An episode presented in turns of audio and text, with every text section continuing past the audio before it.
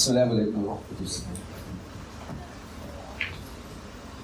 إيه بقى موضوع الناموس اللي عمالين ناموس ناموس ناموس ده؟ لازم نفهم يعني لازم نفهم إيه الناموس وحش حلو عامل لنا مشاكل لعنة جاي لنا عشان يضايقنا ف هتستحملوا معايا بقى مش؟ رجالة مع بعض نستحمل بعض عشان آه ممكن حد يعلي المايك سن علي سن مم. عندك سؤال؟ أنا لسه قلت حاجة. آه نعلي التكييف والمايك الاثنين التكييف مش بيعلى أنا علي لك المايك بداله. يعني هتبقى حران بس سامع كويس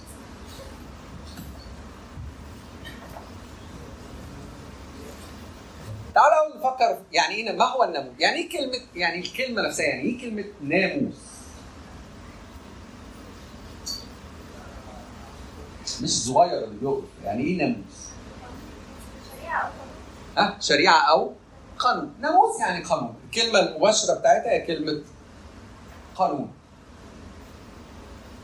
فلما بيتكلم على هذا القانون هو بيتكلم على الناموس يعني القانون فهو مش بيتكلم على أي قانون على أي يعني حاجة موضوعة لكن بيتكلم على حاجة قد وضعها الله في العهد القديم. إيه الناموس اللي وضعه الله في العهد القديم؟ الشريعة دي جت إمتى الشريعة دي؟ إيه؟ مع موسى؟ مع موسى؟ آه ربنا وقت يعني ربنا اداها لموسى وموسى اداها للشعب هنقرا دلوقتي بس لازم أفكر أو النهارده كل اللي إحنا بنفكره هو ليه عمل كده؟ إيه السبب إن هو أعطى هذا الناموس ده إمتى؟ إيه الوقت وإيه السبب؟ إيه التارجت منه؟ عايز إيه؟ بيعمل كده ليه؟ مهم جدا وإحنا دايما بن بن بنتعرف في معرفة الله إن أنا أبقى ببص على الصورة الكبيرة عشان أشوف هو بيعمل إيه يعني اجمالا بطريقة واسعة يعني. فتعالوا الأول قبل ما نتكلم تعالوا إيه نشوف إيه الناموس نتفرج على الناموس وهو بينزل على هذا القانون وهو بينزل عشان نشوف تسلسل الأحداث يدينا رؤية كده إيه هو ليه عمل كده ساعتها. ف هنشوف كده بتاع 14 إصحاح كده من سفر الخروج بس مش هن مش هن مش هنقراهم كلهم يعني. لأن أنا عايز يعني أحط لكم إيه اللي بيحصل بالظبط. يعني الناموس ده نزل خروج 14 مش لازم نفتح الآيات مش هفتح آيات في خروج 14 ده اللي فيه الحتة بتاعت خروج بني إسرائيل من أرض مصر. وإحنا عارفين إزاي دخلوا أرض مصر؟ مدارس احد أيوه فاكرين القصة دي بتاع يوسف والمجاعة وجابهم وراح جايب كل الناس وقعدوا في أرض مصر كام سنة؟ برافو عليك 432 وبعدين المصريين ابتدوا يستعبدوا بني إسرائيل اليهود ابتدوا يعملوهم معاملة صعبة وابتدوا يقسوا عليهم وطردوهم في بره المدن بتاعتهم بقى بيتقلوا عليهم في الشغل وفي عبودية قاسيه ومرر يعني شعب مصر يعني بني إسرائيل بعبودية قاسية مرروهم خلوهم متمررين دائما بعبودية قاسية. فالله سمع إلى صراخ شعبه ونزل لكي ينقذهم قال كده لموسى أنزل وانقذهم جاي عشان ينقذهم. فابتدى سفر الخروج بدعوة موسى وبعدين ابتدينا نتفرج على الضربات العشرة برافو عليك. ابتدينا نتفرج على الضربات العشرة وهو إيه بي بي بي بي بي بيخرج شعبه بذراع قوية زي ما هو دايما بيقول. وآخر ضربة كانت اسمها إيه؟ ضربة موت الابكار دي اللي خلصت. وضربة موت الابكار دي بتتكلم عن الخلاص وهنبقى نتكلم عليها قدام شوية في الاجتماع يعني. فالضربة وتحرك بني إسرائيل ناحية البحر كان في خروج 12 ده بيتكلم على الفصح على عيد الفصح على الفصح الأول. وخروج بني إسرائيل تحرك بني إسرائيل بس لسه في داخل أرض مصر. ده كان في خروج 12 هتلاقي في خروج 14 أوله كده مكتوب إيه؟ مطاردة فرعون. فرعون أخذ الناس وطلع الجيوش بتاعته وطلع ورا المصريين. ف 14 بيتكلم عن مطاردة فرعون. وبعد كده تلاقي العنوان اللي بعديه إيه؟ عبور البحر انشقاق البحر الأحمر وعبور الشعب في داخل البحر. 15 هتلاقي مكتوب إيه؟ ترنيمة موسى ومريم. 16 هتلاقي الشعب وهو ماشي أول ما خرج ابتدى يعطش. فخرج لهم الماء اسمها مياه مرة وإليم. 16 اللي بيتكلم عن المن والسلوى إنه الشعب وهو خارج. فالحتة دي كلها حتت إيه؟ فترات زمنية متلاحقة وقصيرة. لأنه خرجوا وخلصوا أكيد الاكل اللي كان معاهم اللي كانوا شايلينه. فصح 16 ابتدوا يجوعوا فنزل لهم المن وفي عزومه معينة راح منزل لهم السلوى وبعد كده عطشوا طلع لهم في 17 آه، ماء من الصخرة. وبعد كده في 17 ابتدوا وهم بيتحركوا جوه برية سينا. ابتدت الشعوب اللي حواليهم يعني تتضايق من من حركتهم. فحصلت حرب عماليق في 17 و18 راح زار حماة كان راجل عاقل عشان يعني, يعني برضه ما يوديش نفسه في داهيه فقام معدي من قدام حماة فراح زار حماة في سينا. وبعدين هنبتدي من 19 تبتدي الأحداث اللي إحنا عايزين نتابعها. فهنبتدي نقرأ شوية آيات من من من خروج 19 19 واحد بيقول وفي الشهر الثالث بعد خروج بني إسرائيل من أرض مصر في ذات اليوم جاءوا إلى برية سيناء وارتحلوا من رفيديم وجاءوا إلى برية سيناء فنزلوا في البرية. هناك نزل إسرائيل مقابل الجبل. وآتى موسى فصعد إلى الله فناداه الرب من الجبل قائلا. أنا هسألكم ركزوا في الكلام. هكذا تقول لبني يعقوب وتخبر بني إسرائيل أنتم رأيتم ما صنعت بالمصريين وأنا حملتكم على أجنحة النسور وجئت بكم إلي. فالآن إن سمعتم صوتي وحفظتم عهدي تكونون لي خاصة من بين جميع الشعوب. فإن لي كل الأرض وأنتم تكونون لي مملكة كهنة وأمة مقدسة. هذه الكلمات التي تك... التي تكلم بها بني إسرائيل. أول حوار مع الله أول حوار لله مع الشعب. طبعا بواسطه موسى موسى اللي كان بي... بي... بينقل الحوار وراح قال الجمل دي ودي الحاجة اللي إحنا عايزين نفكر فيها كويس. قال لهم أنتوا شفتوا أنا جبتكم هنا حررتكم خرجتكم وعملت حاجات كتير في المصريين عشان نوصل للمرحلة اللي إحنا فيها. فالآن إن سمعتم صوتي وحفظتم عهدي تكونون لي خاصة من بين جميع الشعوب.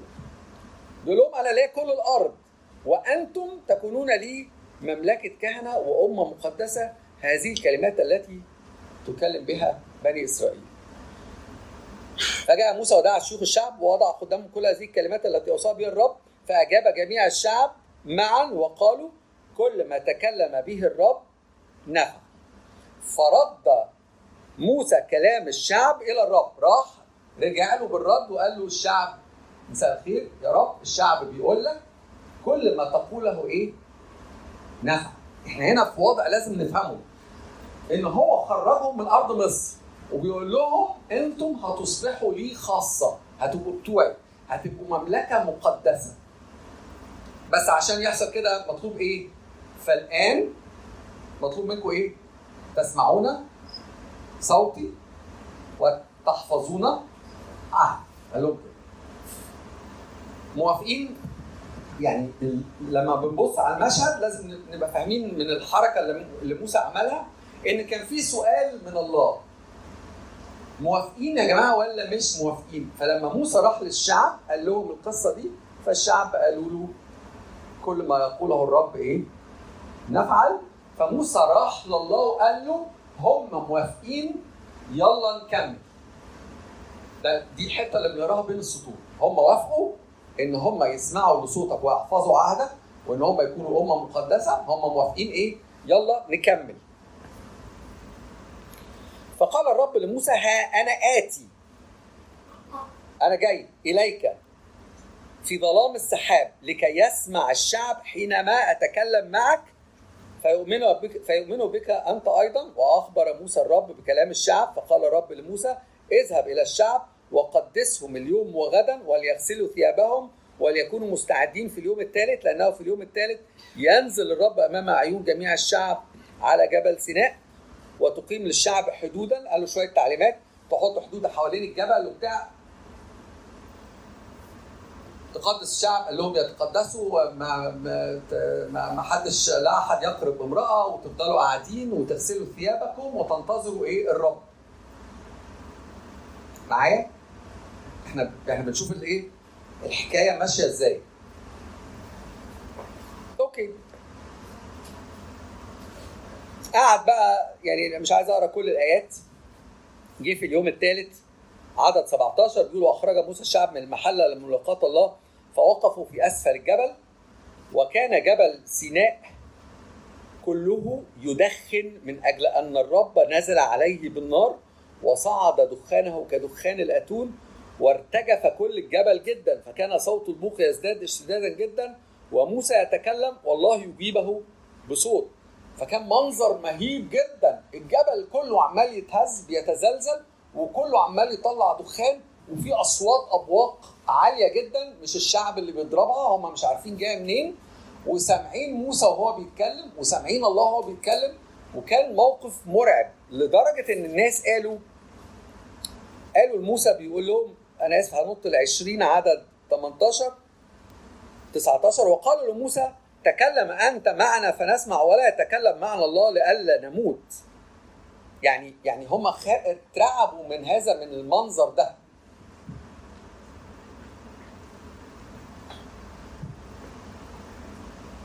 عدد أنا آسف الاصحاح ال 20 ممكن نفتح بقى ال خروج 20 إصحاح من أول الاصحاح بيقول ثم بعد بقى المناظر والبتاع فموسى صعد إلى الرب وابتدى الرب يكلم موسى. ثم تكلم الله بجميع هذه الكلمات قائلا.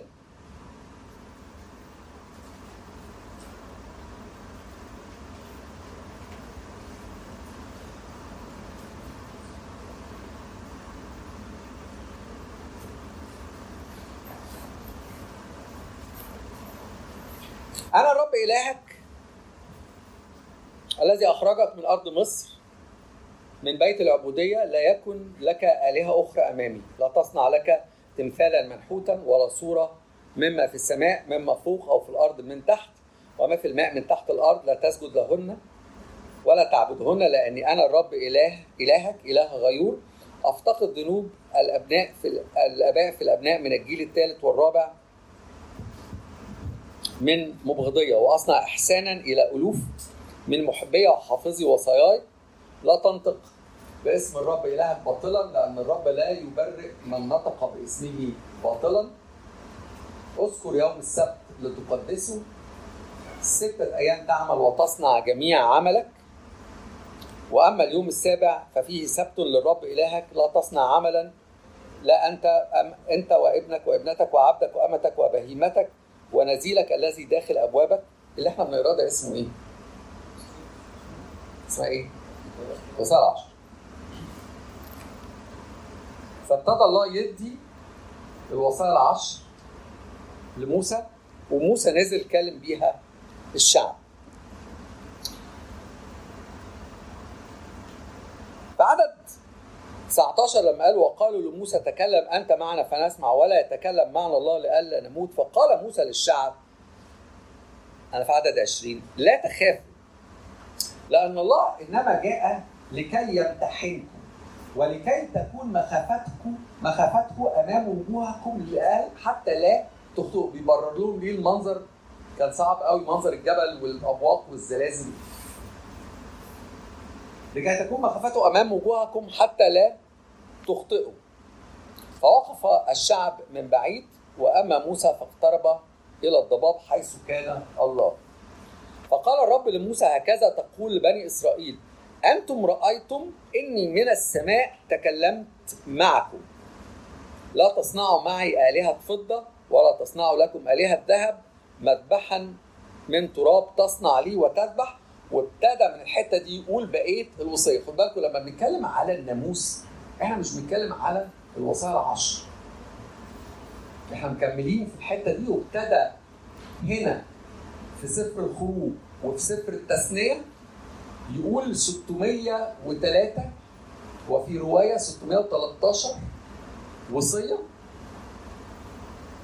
للشعب عشان في مجمل 600 وشوية وصية دول هم دول اللي اسمهم الناموس. فابتدى من هنا من وهو بيتكلم وخدوا بالكم من الجملة الابتدائية أنا هسألكم في آيات كتير قوي وهو بيقول لهم فقال الرب لموسى هكذا تقول بني إسرائيل أنتم رأيتم إني من السماء تكلمت معكم. لا تصنعوا معي آلهة فضة ولا تصنعوا لكم آلهة ذهب وقال لهم إيه؟ مذبحا من تراب ابتدى يكلمهم على المذبح وابتدى في 21 يكلموا على بقية الشريعة. و22 و23 الاصحاح كله وهنيجي لغاية إصحاح 24 خلاص؟ إحنا بنتفرج دايما لما نحب نفهم حاجة لازم نروح لأولها لازم نروح هي جاية إمتى؟ جت إمتى؟ وجت إزاي؟ وجت ليه؟ وإيه الهدف منها؟ 24 واحد.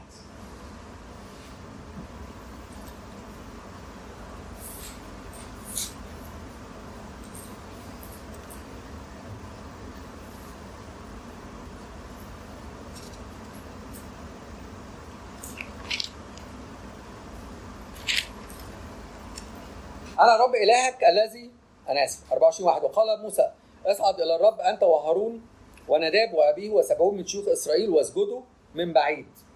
واقترب إلي موسى وحده واقترب موسى وحده إلى الرب وهم لا يقتربون وأما الشعب فلا يصعد. فجاء موسى وحدث الشعب بجميع أقوال الرب وجميع الأحكام. خد بالكم لما هنا بيقول فجاء موسى وحدث الشعب بجميع أقوال الرب وجميع الأحكام مش قصده على الجملة اللي فاتت قصده على الثلاث إصحاحات اللي ربنا اداله فيهم الناموس.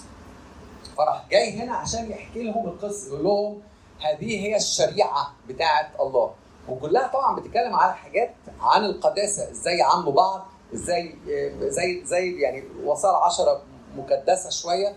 بس إن هو حاجة الغير دي مقدسة ما ينفعش يقرب منها بتاعت لا تسرق لا تشتهي امرأة قريبك إنه إزاي يقدس الله إزاي يعبد يعامل إزاي الناس الفلوس الزراعة حاجات كتير قوي ليها علاقة بالتنظيم بس هي في مجملها متطلبات سامية راقية بتخلي الناس إزاي تعيش مع بعض وهي بتحترم بعض وبتقدر بعض وبتقدس ممتلكات بعض ما تجيش ناحيتها.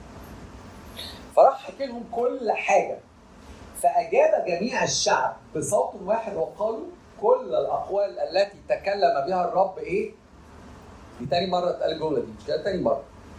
جاب لهم بقى كل الحاجات قال لهم إيه؟ المرة اللي فاتت لما قالوا الجملة دي قالوا الجملة دي والله لم يتكلم بعد. أنا آسف إن أنا يعني بس هتحسوا إنها ليها سنس الجملة دي لما اتقالت أول مرة ما كانش لسه اتكلم. كان بيقول لهم أنا هقول لكم فقالوا إيه؟ اللي أنت هتقوله هنعمله. المرة دي بقى ده التأكيد إن هم بعد أما اتقال لهم على كل الناموس وافقوا على الناموس وقالوا إيه؟ كل الأقوال التي تكلم بها الرب نفع.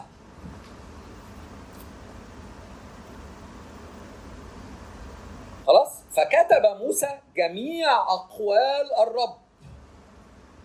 بعد إيه؟ بعد ما وافقوا راح ماسك ورقة وقلم مش لو حي الشريعة لو حي الشريعة كان عليهم حاجات قليلة راح كاتب بقى إيه؟ كل هذه الأقوال والأحكام التي تكلم بها الرب. وبكر في الصباح وبنى مذبحا في أسفل الجبل. واثني عشر عمودا لاسباط إسرائيل. وأرسل فتيان من بني إسرائيل فأصعدوا المحرقات وذبحوا ذبائح سلامه للرب من الثيران. فأخذ موسى نصف الدم ووضعه في الطصوص والنصف الآخر رشه على المذبح. خلاص؟ وأخذ كتاب العهد اللي هو كتبه. اسمه بقى اسمه إيه كتاب العهد. الكتاب اللي هو كتبه اللي فيه إيه؟ الناموس. فالناموس لما بيتكتب لما اتكتب على ورق اسمه بقى إيه؟ كتاب العهد. راح مسك بقى كتاب العهد وقعد قراه على كل الشعب. فقالوا كل ما تكلم به الرب نفعل ونسمع له. وأخذ موسى الدم ورش على الشعب.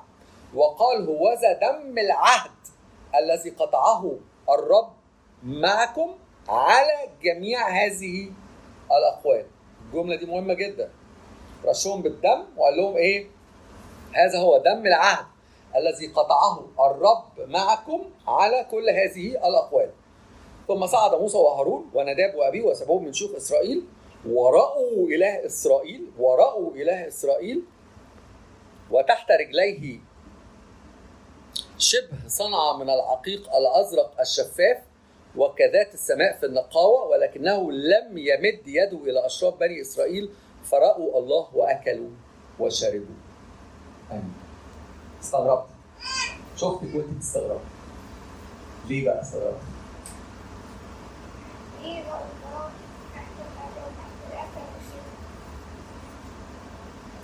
استغربت من انهي فيهم؟ الحياة اللي تحت الحياة. من كل حاجة حد حد مستغرب من حاجة؟ لأنه لا أحد إيه؟ مفيش حد لأنه لا أحد يراني ويعيش والآية دي حصل فيها إيه؟ ما اتذكرش في الآيات إن هم اخذوا lunch boxes وهم طالعين حد مفيش في lunch boxes في الآيات؟ مفيش فلازم نستنتج إن الأكل ده ما كانش معاهم غالبا. شكلهم كانوا معزومين على الغداء آه. بس أنا مش عارف أنا مش عارف الأكل جه منين. بس لازم نستغرب من حاجتين. لازم أستغرب من كلمة فرأوا الله لأن مكتوب لا أحد يراني. رأوا الله إزاي؟ وشافوه. خد بالكم الشعب لما شافوا في الرؤية الأولية شافوا إيه؟ آثار الله. إن الجبل يدخن والزلازل والأبواق والصوت والبتاع الشعب اترعب. بس دول شافوه بطريقة تانية خالص. شايفينه وتحت رجليه صنعة من العقيق. إيه العقيق ده؟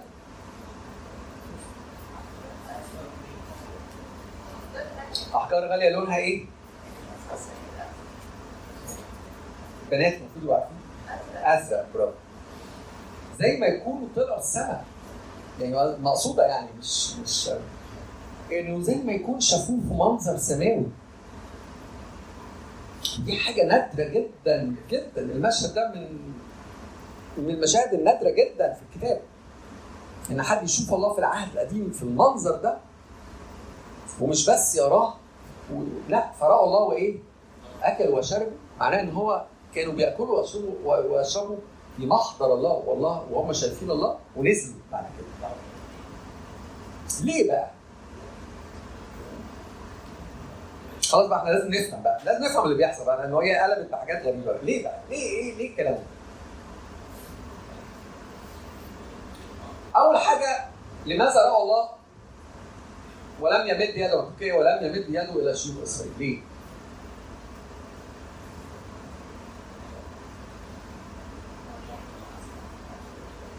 يعني قصدي ما ماتوش.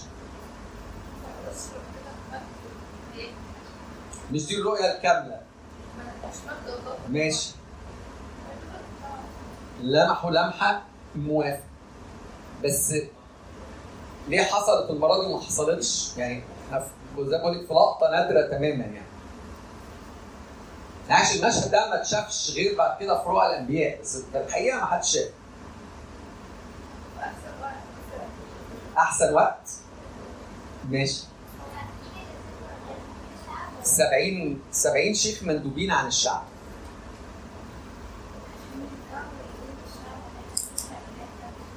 ماشي عشان يرجعوا يقولوا للشعب.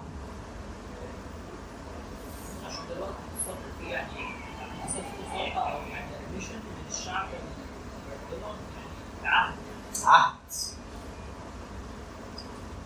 انه كان في إيه؟ عهد وكان في دم العهد مرشوش على الشعب. يجعل كلامي خفيف عليكم. هما هما هما نفع إن هما يروا هذه يروا الله. عشان كان في عهد بينهم وبين الله وهذا العهد له دم والدم ده كان مرشوش عليه ال sequence اللي إحنا بنقراه ده sequence تحس ان هو قانوني فكروا فيها. موسى بصوا اللي إحنا قريناه بسرعة. موسى بي- بيقول آه، أنا آسف الله بيقول لموسى لو سمعوا صوتي وسمعوا كلامي هيكونوا ليه أمة أمة مقدسة. نزل قال لهم قالوا له حاضر نعمل كده. رجع قال لهم بيقول لك أوكي. فراح نازل تاني وقال له إيه عايزين هنعمل منظر هيجي بمنظر مهيب كده مخيف. فقال لهم إيه لا تخافوا.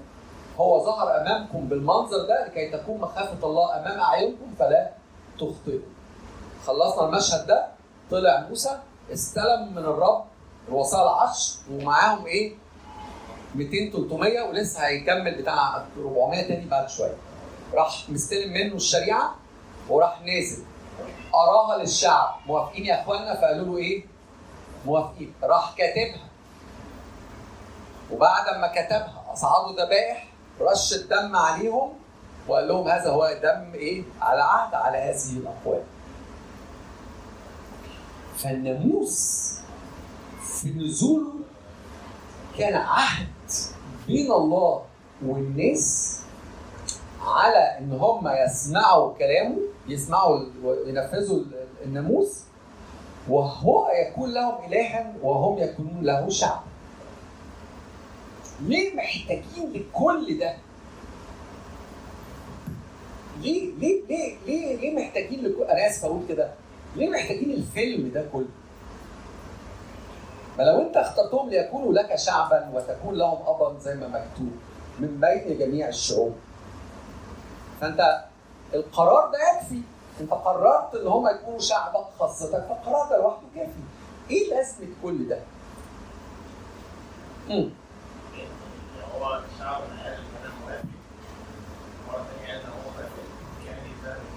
لا. لا العجل الذهبي جاي دلوقتي. ما جاش صدق بس قصدي إن هو غير لو جه ما قاليش بس أنا ما كنتش أنا كنت واقف. ماشي لسه دي جاية قدامي. مش ما تحرقهاش ده خروج 30 العجل الذهبي لسه ست اصحاحات على العجل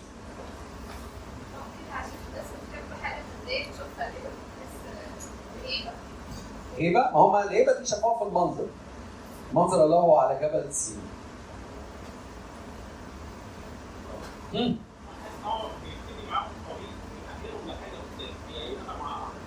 إحنا عارفين يعني في الآخر المسيح بس أنا قصدي لا لا يعني هو بي- بي- بي- بيهيئهم لحاجة مم.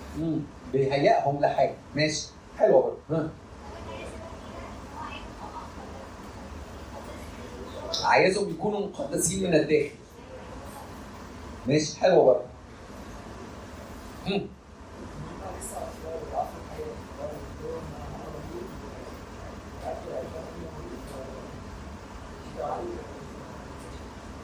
ماشي. بيأكد عليهم إن هو موجود امم عارفه ثقافتهم يعني ثقافتهم في الوقت ده ما كانتش تسمع حاجة غير دي ولا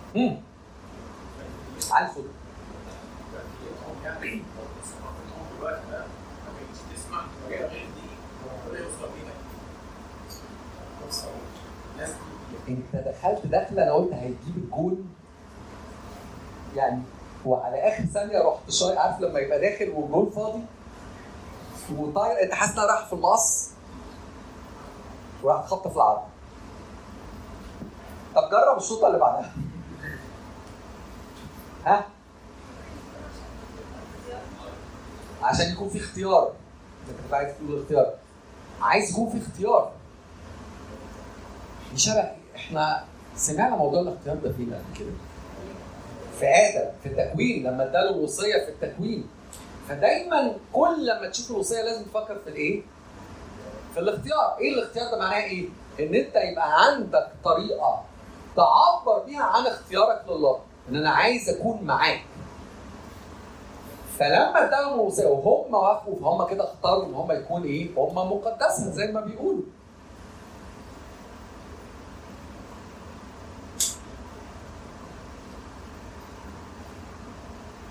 حد عنده اقوال أخرى؟ هم.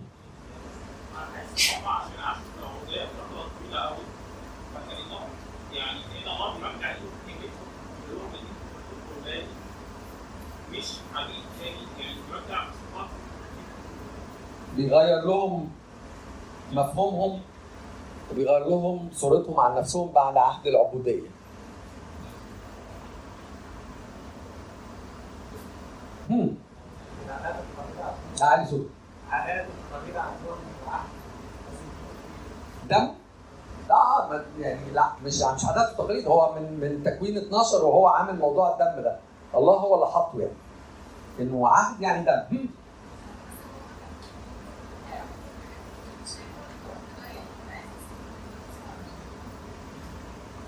ده شوية ال- المظاهر وصوت الله قال لهم إيه؟ لأنكم قد سمعتم إنني كلمتكم من السماء فلا تصنعوا لكم إيه؟ تمثالا كان في جزء من الكلام ده بيقول إنه إيه؟ إنه في فرق بين الإله الحي وبين التمثال. انه وده اتحقق بالمظهر الأولاني برؤية الله ال- الواضحة بتاعت ال 70 شيخ وفي نفس الوقت اتحقق بالناموس. لازم بقى نفكر شوية في القصة دي. كذا حاجة. أول حاجة إن هم خارجين من أرض مصر وأرض مصر مليانة آلهة.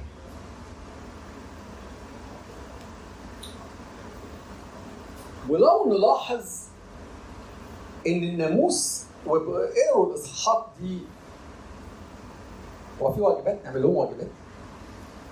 ممكن تقروا الاصحاحات دي من 19 ل 24 خروج 19 ل 24 مش صعبين. بصوا إحنا بنقراهم كده يعني بنحس إن هو يعني قصة مصورة. من 19 ل 24 الناموس مش سهل. مش كده؟ لو لو قعدنا نفكر في كل الحاجات اللي هو بيقولها الناموس مش سهل. ليه الناموس مش سهل؟ ليه الناموس فيه متطلبات عالية للقداسة بحسب مفهوم العهد مش مش مش عالية بحسب مفهوم العهد بس هي عالية بحسب مفهوم ساعتها ليه ليه صعب؟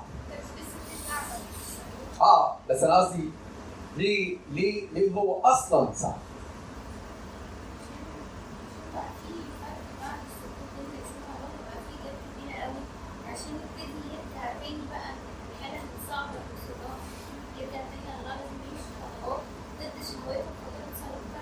ماشي هي بتقول عشان فساد الإنسان فبقى في فجوه بين الله فبقى محتاج يمشي حتة كبيرة عشان يوصل إلى قداسة الله. إيه كمان؟ ليه الناموس يقول لا تسرق؟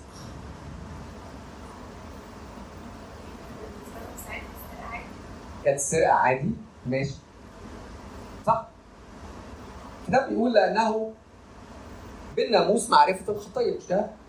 روميا يا روميا 2 يقول إيه؟ لأنه بالناموس معرفة الخطية لأنه بالقانون معرفة الجريمة إيه هو تعريف الجريمة؟ تعريف الجريمة بنشوفه بالقانون القانون لما بيقول ما تعملش كده اوتوماتيكلي لما اكسر ده يبقى إيه؟ جريمة لما يقول إنه غرامة كسر الإشارة إنك تحط الإشارة الحمراء تقف معناه إن أنت لو كسرت الإشارة الحمراء فأنت ارتكبت جريمة وهتعاقب عليها ب 400 جنيه.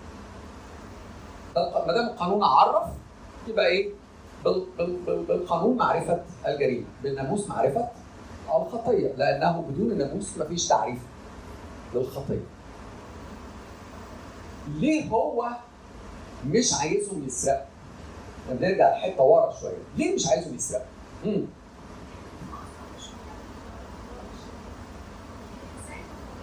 لو كانت الطريقة الأصلية مش لسه يعني هو لا تصرف حاجة جواه أو باظت هي بتتكلم إنه حصل فساد إن الصورة الأصلية للإنسان قبل الفساد ما كانتش إيه؟ هتسرق. بس لأن الإنسان فسد فطبيعته أصبحت تتجه إلى الحسد إن هو بيغير من الناس فأوتوماتيكلي عنده دافع من جواه إن هو يسرق. فلازم أقول تاني بطريقة تانية طب ما يسيبه يسرق الإنسان لا يتأذي من السرقة. أوكي؟ إنها لمصلحة الإنسان أنا موافق ليه تاني؟ ليه مش عايزه يسلم؟ عايزه يكون في نظام ليه؟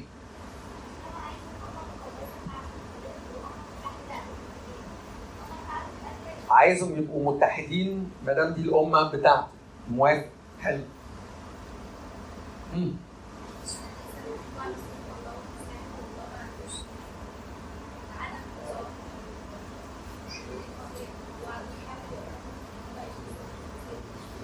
الإنسان أصلا مخلوق على صورة الله ومثاله.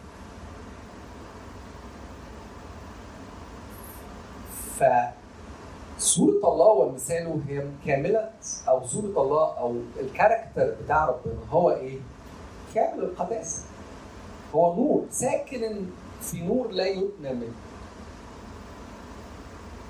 فالناموس اللي إحنا بنتفرج عليه ده مش بس بينظم حياة الإنسان لكنه في انعكاس للكاركتر بتاع ربنا. فأنا ممكن أقول لأنه مكتوب بالناموس معرفة الخطية وفي نفس الوقت ينفع أقول إيه؟ في وقتها كان وظيفة الناموس هو معرفة الله. هو معرفة الله. هم خارجين ورا إله هم مش عارفينه وخارجين من آلهة كتير في مصر.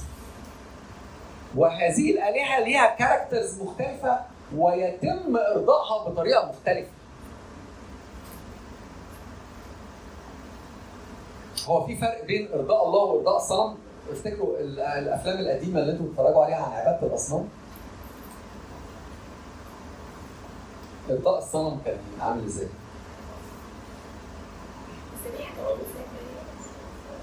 مم، كان في ذبايح بشرية. بس قدام شوية مش. يعني قصدي قدام في التاريخ إيه؟ كان في زنا أيوه كان في مم. مذبحة بيت لحم طلعت قدام قوي لا كان إيه المذبحة بتاعت بيت لحم؟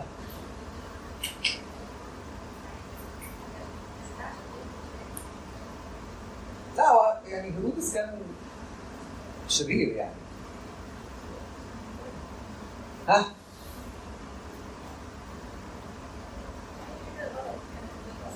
أي حاجة غلط برافو يعني. دايما الأصنام دايما فيها حاجة إيه؟ غلط. ليه؟ أي حاجة ضد ربنا بقى. أيوه ليه؟ هو عايز عشان إيه؟ عشان الإنسان هو اللي أيوه الإنسان هو الديزاين آه، الإنسان اللي عامله. فالإنسان لما يجي يصمم العبادة لو أنت قالوا لك تعالى حط منهج الكلية تخيل أنت.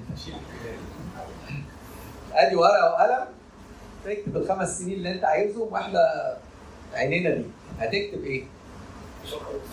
إيه؟ لا لا ليه؟ ليه ما تتبسط؟ ما أنت يعني بقى إيه؟ مثلا لا ومثلا و PlayStation مثلا إيه أربع حصص في الأسبوع. يعني مثلا أو أو أو أو آه، آه، طبيخ وأكل مثلا مرتين ثلاثة في يعني يبقى في مكرونة بالبشاميل مثلا الخميس الصبح. حاجات يعني فأوتوماتيكلي اللي بيكتب الديزاين بتاع الصنم هيهيص نفسه. وبعدين السبب في وجود هذه بقى الذبائح البشرية والحاجات الثقيله إنه ال- الكهنة بتوع الأصنام بيبقوا عايزين يفرضوا سطوتهم على الشعب ويقولوا لهم إن الإله ده هيغضب لو ما نفذوش كلامه لأن في كان جزء من كلامه الفلوس اللي بتروح لهؤلاء الكهنة بتوع بتوع الأصنام. فدايما يروحوا إيه حاطين حتت ضاغطين فيها على الناس عشان الناس تخاف من الصنم فيجيبوا فالله لما بيجي ينزل هو بيشرح هو إيه قدام الآلهة المزيفة اللي على الأرض اللي هم بني إسرائيل كانوا على صلة بيها لما كانوا في أرض مصر. فالهدف بلاش كلمة الهدف فمن أهداف الناموس هو تقريب معرفة الله انه إنه الناس تبتدي تعرف الكاركتر بتاع ربنا من سمو الوصية اللي هم بيبصوا عليها لا دي حاجة مختلفة خالص عن كل اللي إحنا شفناها في مصر عن كل اللي إحنا عارفينها عن بقية الآلهة في كل الثقافات الأخرى.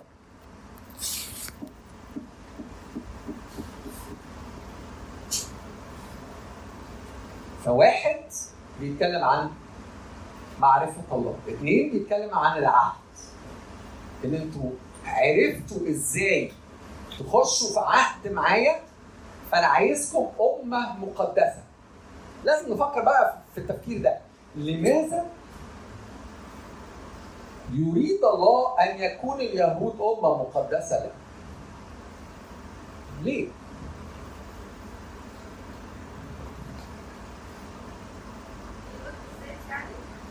آه. ليه؟ ليه ليه عايز دول يبقوا امه مقدسة؟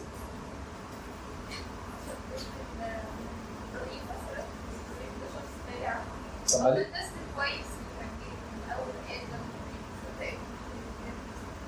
فهو مشي مع النسل كويس بتاع بتاع مالك إبراهيم اسحاق يعقوب ماشي بس هو برضه خد بالك إنه البداية كانت إيه؟ وكلم الله إبراهيم. يعني الله هو اللي قال إبراهيم أخرج تعالى إلى الأرض التي أنا اريك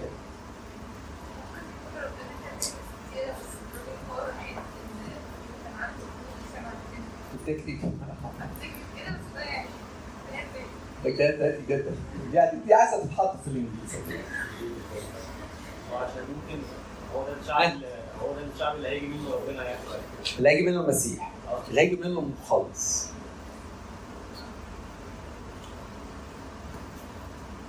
لازم نفكر إنه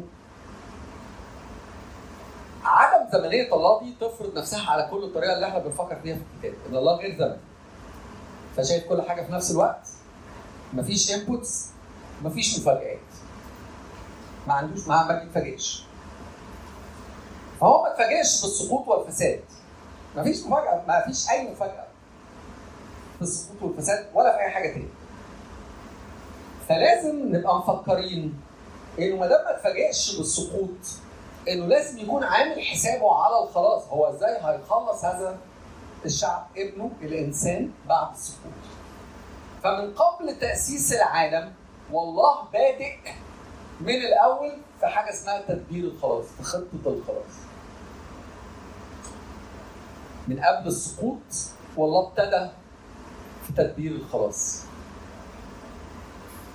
فعشان يدبر الخلاص كان لازم المسيح يأتي في ملء زمان في وقت معين لازم المسيح يجي فيه والوقت ده وقت محسوب ما كانش ينفع المسيح يجي قبليه ومن ضمن هذه التوقيتات اللي إحنا بن بن بن هنتفرج عليها شوية النهارده هو الناموس. إنه الناموس من من من أحد الحاجات التي تعد الطريق أمام المسيح. بس هو كان مرتب انه أو يعني كان مدبر في تدبير الخلاص بتاعه مجيء المسيح من هذه الامه. فلازم يفضل محافظ على هذا الخط الواصل من آدم إلى هذا النسل. قال لها إيه؟ لأن نسل المرأة يسحق رأس الحية. نسل المرأة ده لسه جاي قدام هنا. وهو بيتكلم ساعتها عند آدم وحواء. ففي خط واصل بين النقطتين دول الخط ده لازم يفضل مكمل. وتكملة هذا الخط لازم يكون في أمة فيها معرفة الله. لأنه المسيح لما يجي لازم يتعرف من الناس إن هذا هو ابن الله. فبدون معرفة واضحة بلاش كلمة واضحة دي. فبدون معرفة إلى حد ما معقولة عن الله ما ينفعش المسيح يبقى فانكشنال ما ينفعش يشتغل في الخلاص. فالله وضع الناموس عشان يعمل إيه؟ يحافظ على هذا الخط إلى المسيح. هنقرأ الآيات دي بالتدقيق في غلطيه ثلاثة وهو بيشرح النظرية.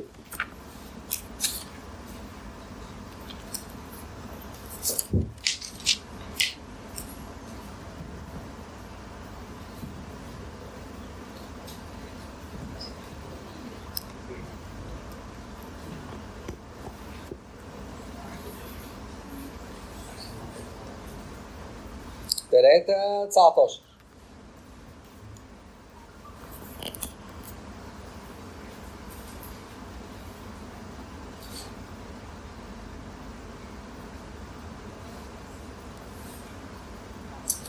بيقول إيه؟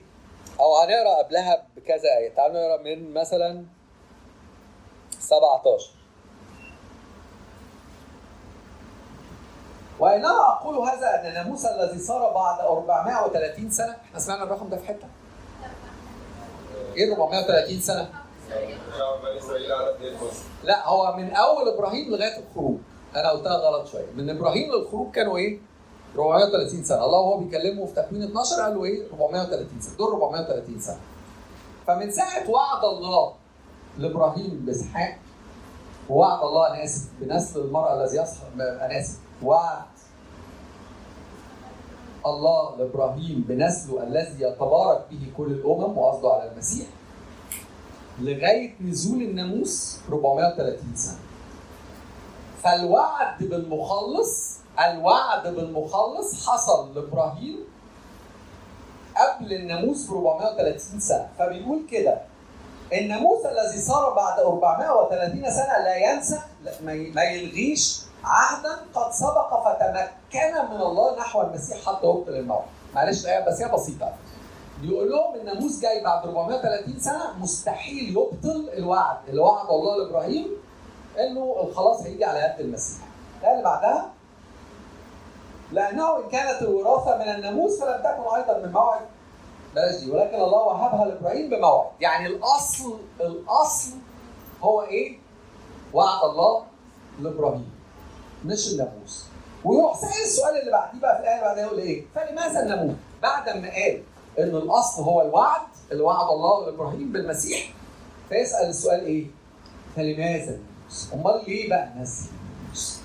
ما دام هو كان في علاقة بين إبراهيم والله ومعرفة بين إبراهيم والله ووعد من الله لإبراهيم ليه بقى إيه لازمة الناموس ويروح مجاوب يقول إيه قد زيد بسبب التعديات. زيد يعني إيه؟ أنا عارف بقى في مشاكل في العربي. يعني إيه زيد؟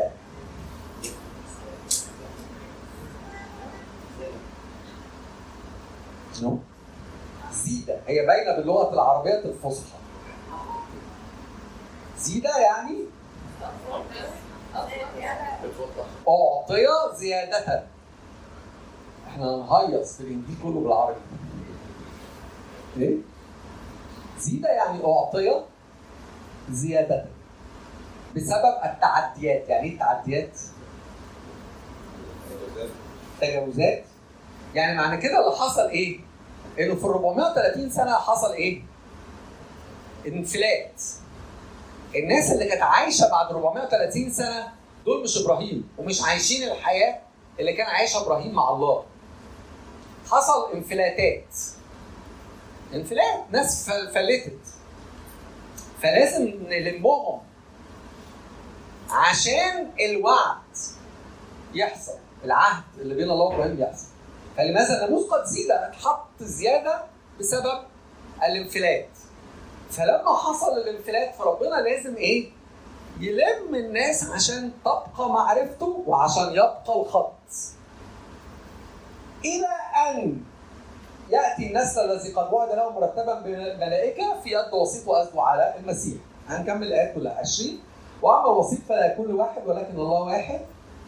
فهل الناموس ضد مواعيد الله؟ حاشا لأنه لو أعطي ناموس قادر أن يحيي لكان بالحقيقة البر بالناموس. اللي بعدها بيقول ولكن الكتاب أغلق على كل تحت الخطيئة موعد من إيمان يسوع المسيح للذين يؤمنون ولكن قبلما جاء الإيمان كنا محروسين تحت الناموس مغلقا علينا إلى الإيمان العتيد أن يعلن. فما هي وظيفة الناموس؟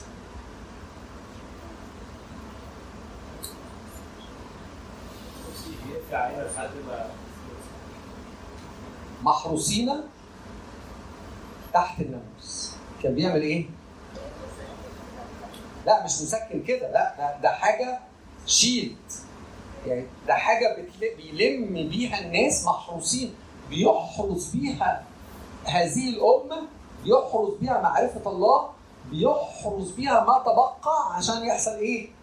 إلى الإيمان العتيد بيتكلم على الإيمان بالمسيح وظيفة الناموس هي إيه؟ أن يحرسنا إلى الايمان وده اللي إحنا بنعمله مع الأطفال. أنت بتقعد تعلم الطفل حاجات كتير جدا وصايا كتير جدا. وأنت عارف إن الوصايا دي لا تخلص. بس أنت بتعمل إيه؟ أنت بتحرص عليه لغاية اما في يوم من الأيام يكون له إيمان شخصي. بالمسيح. فأنت بتقول له لا يا حبيبي ما ينفعش نكذب إحنا أولاد ربنا. طب لو ما كذبش هيروح السماء لا. مش هيروح السماء لأن الناموس إيه؟ لا يبرر. الناموس وظيفته الحراسة القانون وظيفته الحراسة إن هو إيه؟ يحرس الشخص إلى مجيء المسيح. كنا محروسين تحت الناموس مغلقا علينا إلى الإيمان العتيد أن يعلن. اذا الآية اللي بعدها يقول زي ما أنتم شايفين. اذا قد كان الناموس مؤدبنا إلى المسيح لكي نتبرر بالإيمان. الناموس كان وظيفته ان هو يعمل إيه؟ يأدبنا إلى وقت مجيء المسيح. كان كان مؤدبنا إلى وقت المسيح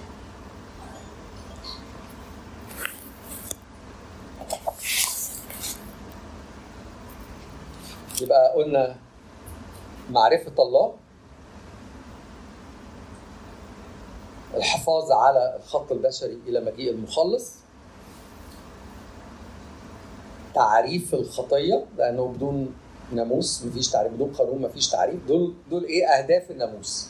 معرفة الله الحفاظ على الخط البشري إلى مجيء المخلص تعريف الخطية. تعالوا نقرأ بقى رؤيا سبعة اللي بتتكلم على تعريف الإنسان إن أنا أعرف نفسي من جوه.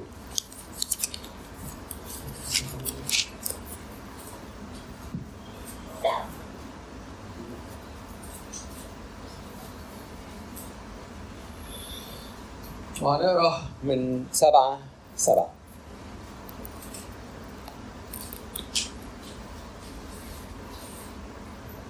أنا بغض النظر عن الموضوع اللي إحنا هنتكلم فيه أنا دايما هقرا حتت كبيرة قوي من الكتاب. علشان اولا لازم يكون نبتدي نكون علاقة بيننا وبين الكتاب. فعايزين نكسر ال ال الحاجز اللي بيقول إن الكتاب صعب. أنتوا الأعداد ال- ال- ال- الإصحاحات اللي إحنا قريناها 19 20 21 أنا ما قريتش الباقيين بس يعني من 19 ل 24 في الخروج أنتوا حسيتوا انها كانت صعبة؟ ما ما تاخدونيش على قد عقلي حسيتوا انها كانت صعبة؟ مش صعبة الكتاب مش صعب الكتاب إعلان إعلان الله للإنسان فلازم لما نقراه لازم هو هو بعته لنا عشان يعرفنا عن نفسه. فلازم لما نقراه نفهمه. بس محتاجين إن إحنا نقرب منه شوية ومحتاجين إن إحنا نقراه كتير. صفحتنا هنقرأ من 19 ل 24 في البيت اتفضل يعني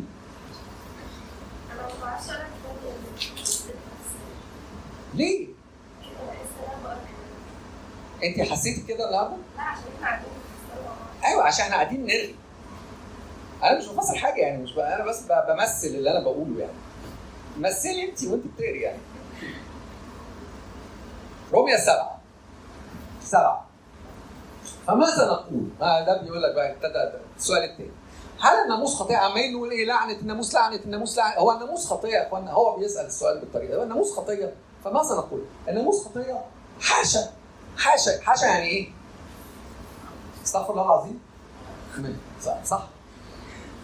هي هي دي بتاعت شبه ال- ال- الفيرجن الجديدة بتاعت استغفر الله العظيم. هو ناموس خطية؟ قال له لا يا عم استغفر الله العظيم الخطية إيه؟ بل لم أعرف الخطية إلا بالناموس. إحنا ما عرفناش عن إيه خطية غير لما الناموس نزل لأنه بالقانون معرفة الجريمة. فاني لم أعرف أن الشهوة فاني لم أعرف الشهوه لو لم يكن الناموس لا تشتهي. عرفت بعد كده إن إيه في حاجة اسمها الشهوة؟ وإن الشهوة غلط وإن ربنا ما بيحبش الشهوة وإن الشهوه هتبقى مؤذية وانه الشهوه دي هتبقى معطلة للخلاص. لو أنا فاهم الأهداف الخمسة بتاعت الناموس. آه. الذين الذين ليس عندهم ناموس هم ناموس لأنفسهم. لأن معرفة الله ظاهرة فيهم. الناس دي الناس دول لأنهم كانوا قريبين من ربنا فهم عارفين كويس فكر الله. أما الناموس فقد زيد بسبب التعديات. معناها إنه قبل لما الناموس يحصل الناس كانت مقربة من الله وكانت عارفة فكره. فيوسف كان من غير ناموس وقال إيه؟ كيف أصنع هذا الشر العظيم وأخطئ إلى الله؟ كان عارف إن من جواه إنه الخطية مع امرأة بوتيفار لا ترضي الله. فتحمل عشان ما يعملش كده لأن هو كان قريب وعارف فكر الله. فالناموس هو أداة عشان يقرب لينا الكاركتر بتاعه. في الناس الاباء دول كانوا قريبين من الله من غير ناموس. ولكن الخطية وهي متخذة فرصة بالوصية أنشأت فيها كل شهوة. لا أنا بدون الناموس الخطية ميته في هنا بقى بنشوف ترند غريب جدا بقى. في جملة غريبة جدا. كلمة الخطية متخذه فرصة بالوصية انشات فيها كل شهوه غريبة جدا بقى دي. يعني إيه؟ تفتكر؟ برافو برافو. سهل بالذمة ولا مش سهل؟ الكتاب. سهل أهو سهل. الممنوع مرغوب يعني إيه؟ هو بيقول لا تشتهي. إيه الخطية اللي بيتكلم عليها فوق؟ الخطية دي بيتكلم على فساد على طبيعة الإنسان الفاسدة. فالطبيعة الفاسدة لما تسمع الوصية وهي بتقول لا تشتهي بتقوم تعمل إيه؟ بتشتهي مش بيحصل؟ بيحصل؟ بيحصل. إحنا مش إحنا خبراء في الحتة دي؟ اللي هو اي حاجة. تعالى على الطفل هات وقول له دي ما تجيش ناحيتها وسيبه وامشي. اراهنك أنت بس هتخرج تقفل باب الأوضة هيروح إيه؟ ماسكها. فطبيعة الإنسان اللي هي بيتكلم عليها اللي بنسميها هنا الخطية بتتخذ هذه الفرصة عشان إيه؟ تصنع الشر. تسعه أنا اتخشيت نقرب من هنا.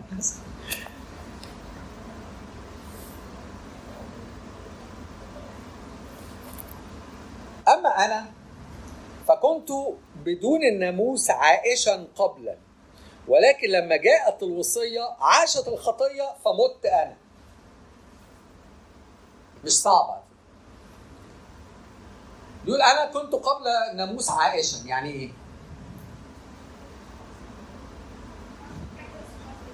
آه بعمل حاجة وعارف مش عارف انها غلط في إيه. ما بيس يعني ما شغال يعني مش كده؟ ميع الخطية ميع ما فيش قانون الدنيا شغالة يعني. لكن لما جاءت الوصية المفروض لما تيجي الوصية تعمل إيه؟ تموت الخطية. وأنا أعيش. بس لما الوصية جت جيت أعمل فاكتشفت إن أنا مش بعرف أعمل. فالخطية هي اللي انتصرت وأنا حصل لي إيه؟ مت عاشت الوصية ومت أنا فوجدت الوصية التي للحياة هي نفسها للموت. يعني ربنا ما كانش هو ربنا كان منزل الوصية دي عشان الموت؟ كان منزلها عشان الحياة. بس فساد الإنسان هو اللي خلى الناموس تحول إلى أداة للحكم. هو اللي وقعنا تحت اللعنة. الفساد هو اللي وقعنا تحت لعنة الناموس. فالإنسان بقى واقف عاجز قدام الناموس مش عارف يعمله فبالتالي أصبح عليه حكم الموت الكلمة بتاعت لأن اجره الخطيه هي موت. هو ده اللي حصل. قانون نزل بقى في تعريف للخطيه جه الإنسان يتبع القانون فشل بسبب فساده الداخلي فوقع عليه حكم الموت. وجدت الوصيه التي للحياة هي نفسها للموت. لأن الخطية وهي متخذة ب- فرصة بالوصية قالها تاني؟ خدعتني بها وقتلتني. إذا عشان ما حدش يقول حاجة. عدد 12 الناموس مقدس والوصية مقدسة وعادلة وصالحة. عشان ما حدش يقول الناموس وحش. الناموس حلو بس أنا اللي وحش فهل صار لي الصالح موتا؟ حاشا. بل الخطية. لكي تظهر خطية منشئة ليا بالصالح موتا لكي تصير الخطية خاطئه جدا بالوصية. دي عايزة شرح كبير فإننا نعلم أن الناموس روحي. وأما أنا فجسدي يعني أنا مش عارف أعيش في الروح مبيع متباع تحت الخطية. لأني لست أعرف ما أنا أفعله. إذ لست أفعل ما أريده بل ما أبغضه فإياه أفعل. عارفين عارفين الإحساس ده؟ بعد ما عق بيجي لي دايما مش قبل ما عق دايما توقيت زي الزفت. بالليل وأنا نايم على وابتدي أفكر في العك اللي أنا عملته النهارده. وابتدي أفكر هو أنا إيه لست اعرف ما أنا هو إيه اللي أنا بعمله؟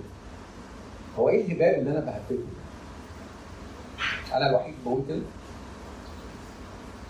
مش بنعمل كده؟ إيه إيه النيلة إيه النيلة اللي أنا عملتها؟ أنا أنا أنا أنا مش عارف أنا بعمل كده ليه. أنا أنا مش عايز أعمل كده. أنا مش عايز اذي الناس بالطريقة دي. أنا مش عايز أبهدله كده. أنا مش عايز أبقى بالمنظر المقرف ده. أنا آسف. أنا مش عارف أنا بعمل كده ليه. أو بنروح للبتاع. أنا زي ما يكون حد تاني بيتصرف. يعني زي ما يكون حد تاني بيعمل العمايل الطين اللي أنا بعملها دي. فأنا لست أفعل ما أريده. أنا عايز أبقى كويس. أنا عايز أمشي ورا الناموس. أنا عايز أرضي الله. أنا عايز أنفذ الوصية. فلما أنفذ الوصية أبقى مبرر أمام الله. بس مش قادر. ما أبغضه. أنا مش عايز ازعل ربنا. في حد عايز يزعل ربنا؟ لو حد عايز مفيش حد مش عايز يزعل محدش عايز يزعل ربنا محدش عايز يزعل ربنا. بس اللي بيحصل إن إحنا إيه؟ بنزعله. مرة كل ثلاث أشهر بنزعله. شهرين؟ شهر.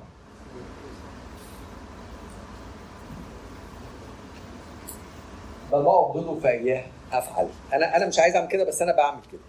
فإن كنت أفعل ما لست أريده. لو أنا بعمل اللي أنا مش عايزه. فأني أصادق الناموس. أنا بقول بصدق.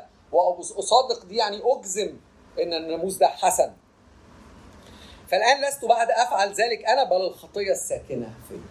إيه التبرير لكده؟ إن فساد الطبيعة اللي جوايا غير متوافق مع ناموس الله. أنا مش هقدر أعمل الناموس. مش هقدر فساد الطبيعة اللي جوايا مش مش مش مش مش ماشي مع الناموس. عايز يسرق ويقتل ويشتهي وياخد ده ويعمل ده ويعمل ده ويأذي ده ويبهدل في ده ويطلع أحسن ويطلع أكبر ويطلع. فاني أعلم أنه ليس ساكن في أي في جسدي شيء صالح لأن الإرادة حاضرة عندي. وأما أن أفعل الحسنى فلست يعني أنا الإرادة يعني إيه؟ أنا, أنا أريد آه إرادة يعني أنا عايز أعمل الصح. مين عايز يعمل الغلط في ال... محدش عايز يعمل غلط. كلنا عايزين نعمل صح. مين بقى بيعمل الصح؟ فيقول كده إيه؟ إرادة حاضرة. أما أن أفعل الحسنى فلست. على فكرة بيكرر الفكرة دي خمس مرات. يعني يعني أنا قريتها دي ثالث مرة تيجي نفس الفكرة. بيقول إيه فلست أجد. لأني لست أفعل الصالح الذي أريده الآية اللي بعدها بل الشر الذي لست أريده فاياه أفعل. مش ده نفس الفكرة اللي فاتت؟ زي الفكرة اللي قبلها زي الفكرة اللي قبلها دي رابع مرة. فإن كنت ما لست أريده فاياه أفعل تاني. فلست أفعله بعد بل الخطية الساكنة فيا. بيقولها إيه؟ خامس. فإن إذ أجد الناموس لي حينما أريد أن أفعل الحسنى أن الشر حاضر عندي. سادس. عمال يعيد في نفس الفكرة.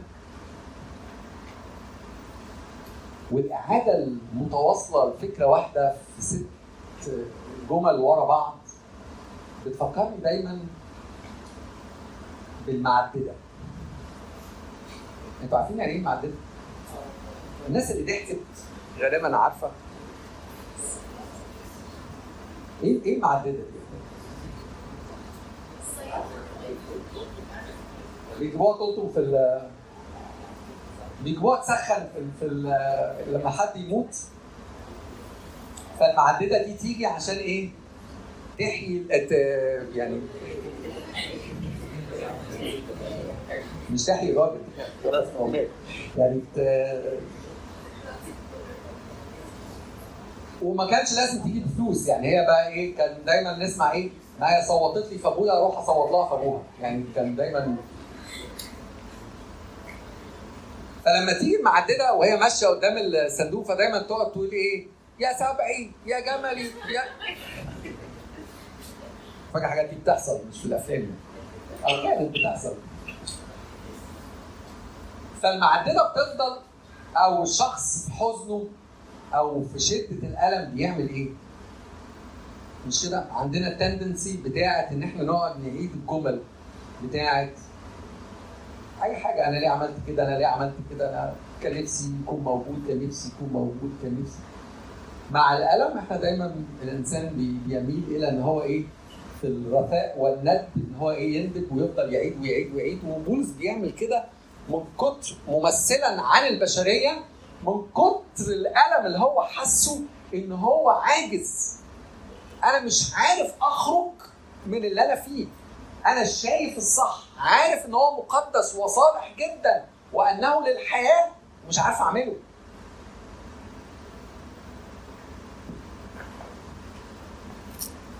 فاني اصر بناموس الله بحسب الانسان الباطل ولكن ارى ناموسا اخر في اعضائي يحارب ناموس ذهني ويسبيني إلى ناموس الخطيه الكائن في اعضائي زي ما يكون في حاجة يسبيني يعني إيه؟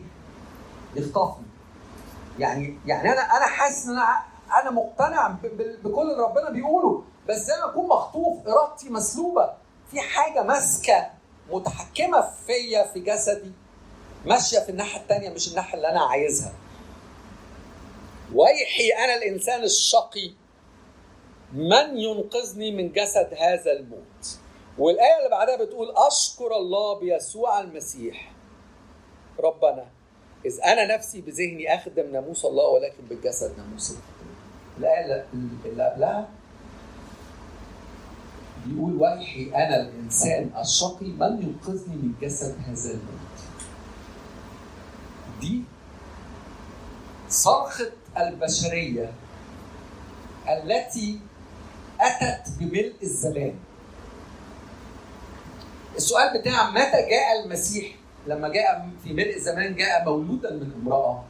ملء الزمان هو وصول الإنسان البشرية إلى هذه المرحلة.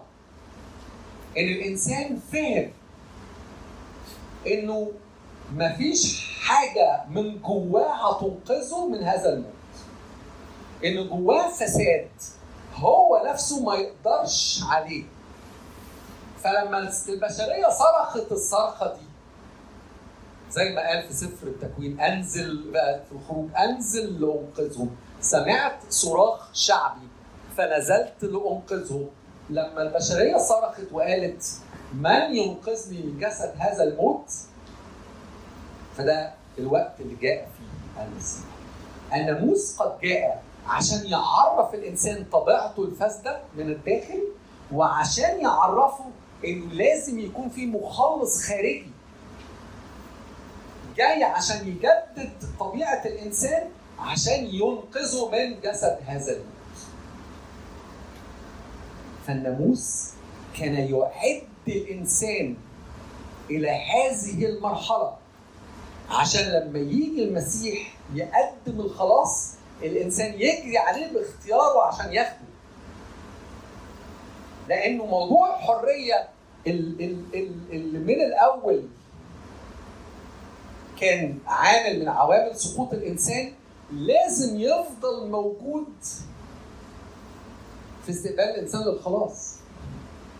هو ليه ما جاش من قبلها ب 2000 سنة؟ يعني لازم الإنسان يفهم إنه أنا لازم أقبل الحياة الجديدة اللي في المسيح لأن أنا الحياة اللي جوايا دي مش نافعة. الوصول إلى هذه المرحلة إلى هذا الوعي يحتاج لوقت من البشرية عشان تفهم إنه مفيش خلاص إنه مفيش تبرير الناس فهمت الناموس غلط اليهود فهموا الناموس غلط إن الناموس يبرر فمسكوا في أعمال الناموس الناموس مش ال design بتاعه هو يبرر. مفيش design بيقول إن ده يخليني التبرير هو الطبيعة الجديدة إن أنا آخد طبيعة جديدة في المسيح. الناموس بس حرصنا إلى هذه المنطقة عرفني نفسي عرفني الله عرف الخطية. كان ليه مهام محددة. والخمس مهام اللي هو يعني كان design إن هو يعملها هو عملها إلى مجيء المخلص. المسيح وإله المجد تقريبا حد عايز يسأل حاجة؟ مم. أول حاجة okay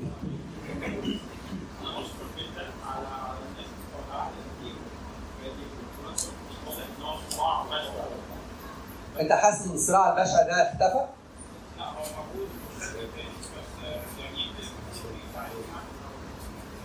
المسيح بيساعدنا لما مد إيدي وأقبل الخلاص بس الصراع ده موجود النهارده عند كل من لم يقبل المسيح.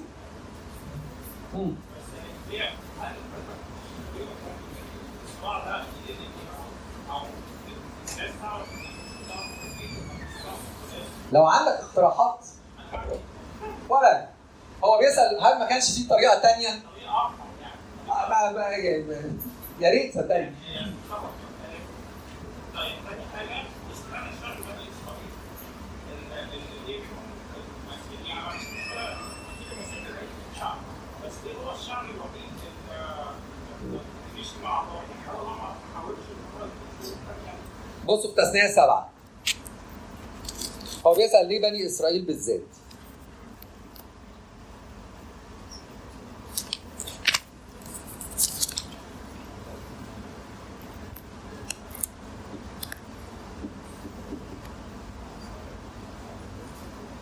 تثنية سبعة ستة بيقول إيه؟ لأنك أنت شعب مقدس للرب إلهك. إياك قد اختار الرب إلهك لتكون له شعبا أخص من جميع الشعوب الذين على وجه الأرض. ليس من كونكم أكثر من سائر الشعوب التصق بكم الرب واختاركم لأنكم أقل من سائر الشعوب.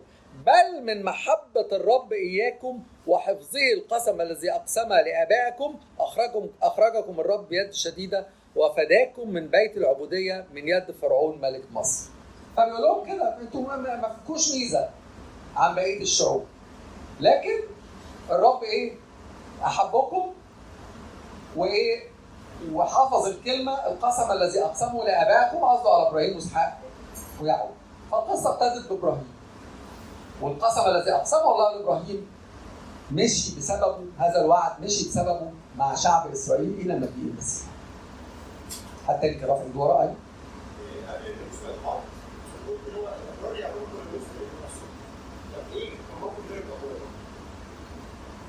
يعني مش عايز أقول بقى بالسلامة يعني. بالسلامة كان موقفهم بالسلامة يعني. يعني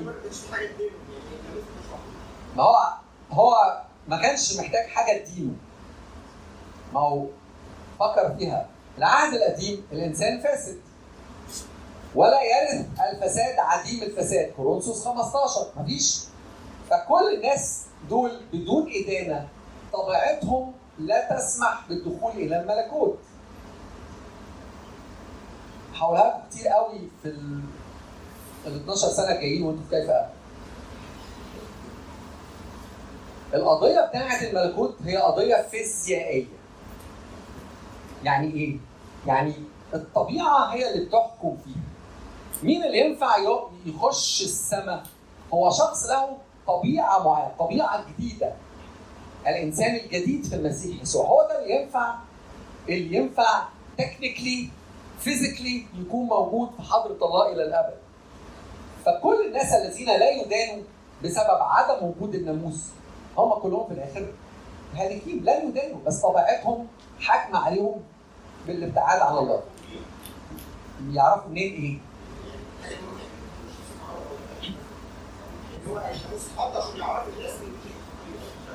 ما هما اللي عرف يقول لك إيه؟ بص الآية دي في روميا. أنا كنت هخلص بص الايات دي في روميا واحد.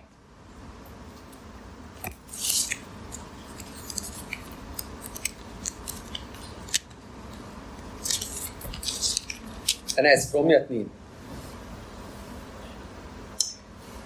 روميا 2 12 بيقول لأن كل من أخطأ بدون الناموس فبدون الناموس يهلك وكل من أخطأ في الناموس فبالناموس يدان. لأن ليس الذين يسمعون الناموس هم أبرار عند الله بل الذين يعملون بالناموس.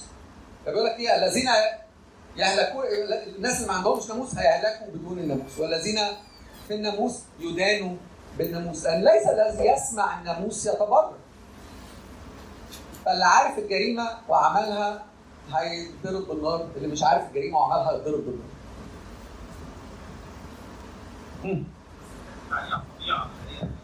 آه.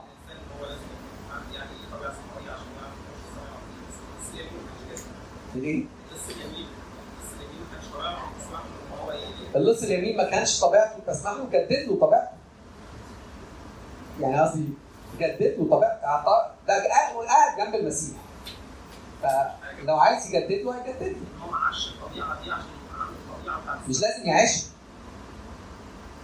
مش لازم يعيشها. هو جاب مثل أصحاب الساعة الحادية عشر. مش مش قانون. لا القانون لا الأعمال ليست الأعمال ليست قانون. الطبيعة الجديدة بس عشان بقول لك لسه حتة قدام شوية. بعد أربع مرات أنا هاجي أجي أنا أربع مرات يا ابني ما تطفشهمش هي لا لا لا. لا لا ما فيش. ما لا يرث الفاسد عديم الفساد ما ينفعش حد يخش غير وهو في الطبيعة. دي لا. لو ربنا عايز كده لازم يجدد له طبيعته. اللص اليمين جدد له طبيعته؟ ها.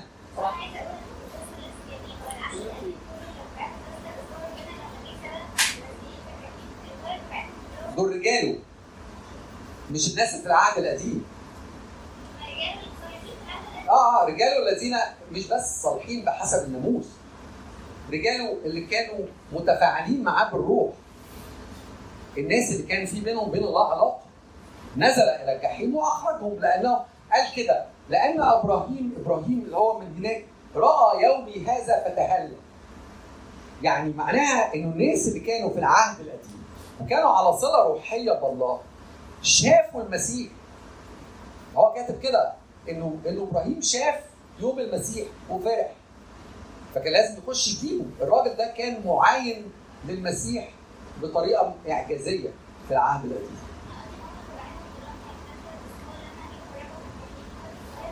أيوه غير طبيعتهم.